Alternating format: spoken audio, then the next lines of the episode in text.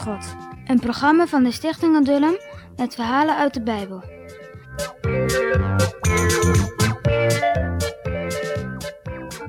In plaats van in een mooi land moesten Israëlieten in de dorre woestijn wonen. Het was hun eigen schuld. Het ergste was dat ze geen berouw toonden. In hun hart gaven ze er Mozes de schuld van.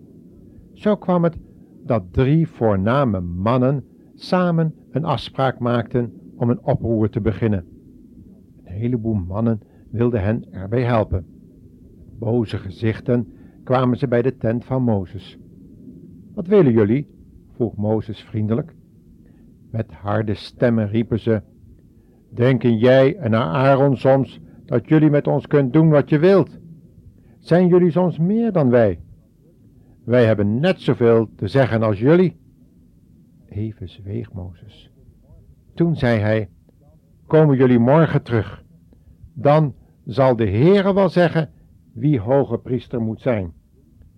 En dan moeten jullie luisteren naar wat God te zeggen heeft.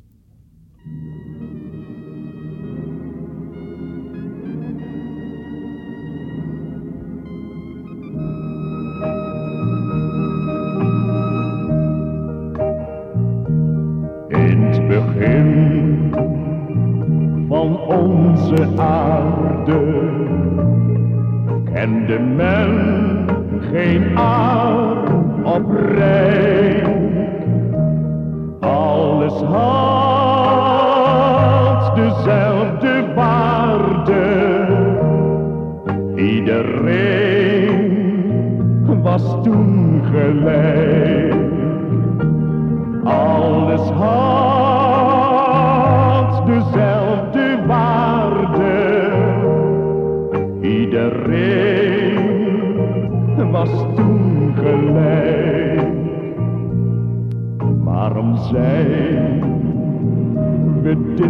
Vergeten? Alles om goud en geld.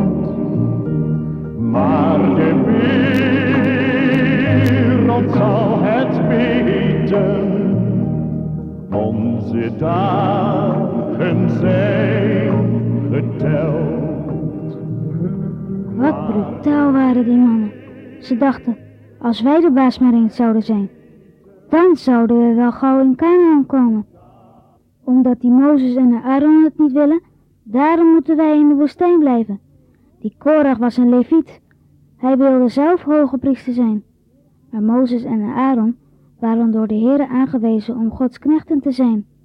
Oproer tegen hen is oproer tegen God. Zonder bergen, zonder dalen, de mens een nieuw bestaan. Zonder bergen, zonder De volgende dag kwamen de helpers van Korach, Datan en Abiram bij de tabernakel. Mozes en Aaron waren er ook. Het volk stond wat verderaf te kijken wat er gebeuren zou. Maar Korach, Datam en Abiram wilden niet komen. Zij bleven in hun tenten. Even later gingen ze brutaal voor hun tenten staan. dat de aarde weer Ze keken rond of zij de baas al waren. Opeens, daar sprak de stem van God vanuit de wolkolom. Gaat hier weg, Mozes en Aaron. Ik zal heel dit volk doden. Maar Mozes bad, Heere, doe dat toch niet. Zal heel het volk dan sterven om het kwaad van deze oproerige mannen? Toen sprak de Heere, laat het volk weggaan van de tenten van deze drie mannen. Gelukkig gehoorzaamde het volk. Ze gingen heel eind achteruit. Toen stonden daar die tenten van Korach, Datam en Abiram helemaal alleen. Die goddeloze mannen lachten nog Mozes in zijn gezicht uit. Ze bleven staan en ze gaven nergens om. Hun vrouwen en kinderen ook niet. Ook die bleven bij hen staan. Alleen de kinderen van Korach wilde niet met een boze vader meedoen. Plotseling scheurde de aarde open, juist onder de tenten van de drie mannen. Er klonk een ake- akelig gegil, en levend verzonken die oproermakers weg.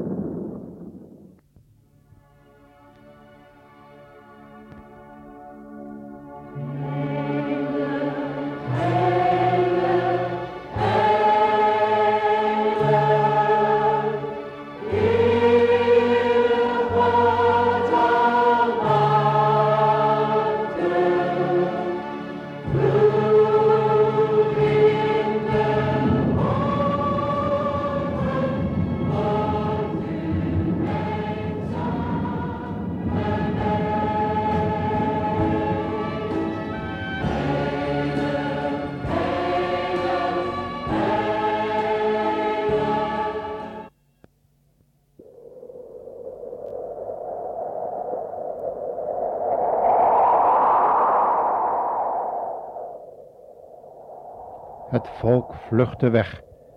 Dat was nu Gods straf over die boze mannen. Nog stonden hun helpers bij de tabernakel. Opeens flitste er vuur uit die wolkolom. En al die mannen werden gedood. Zo liet de Heere zien wie hij verkozen had om zijn knechten te zijn. De Heere wil dat wij allen die hij over ons gesteld heeft, gehoorzaam zijn. En hij zal ook nu straffen wie hierin overtreden. Daarom staat dit allemaal in de Bijbel tot onze waarschuwing opgeschreven. De Israëlieten maakten dit allemaal mee. En Paulus schrijft erover in de Corinthiërs, in die brief die hij aan hun geschreven had, dat al die dingen die de Israëlieten hebben meegemaakt, speciaal zijn meegemaakt voor ons, wij die in het einde van de tijd leven. De Heere zorgt ervoor dat Israël weet dat Mozes en Aaron zijn knechten waren.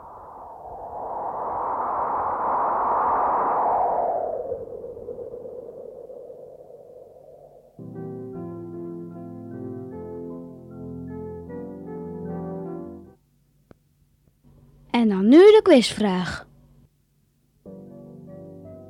Waarom werden Korach, Datam en Abiram door de Heere gestraft? Dus nog een keer. Waarom werden Korach, Datam en Abiram door de Heere gestraft? En voor degenen die het heel goed willen doen, heb ik nog een vraag. De kinderen van Korach, wat gebeurde er daar?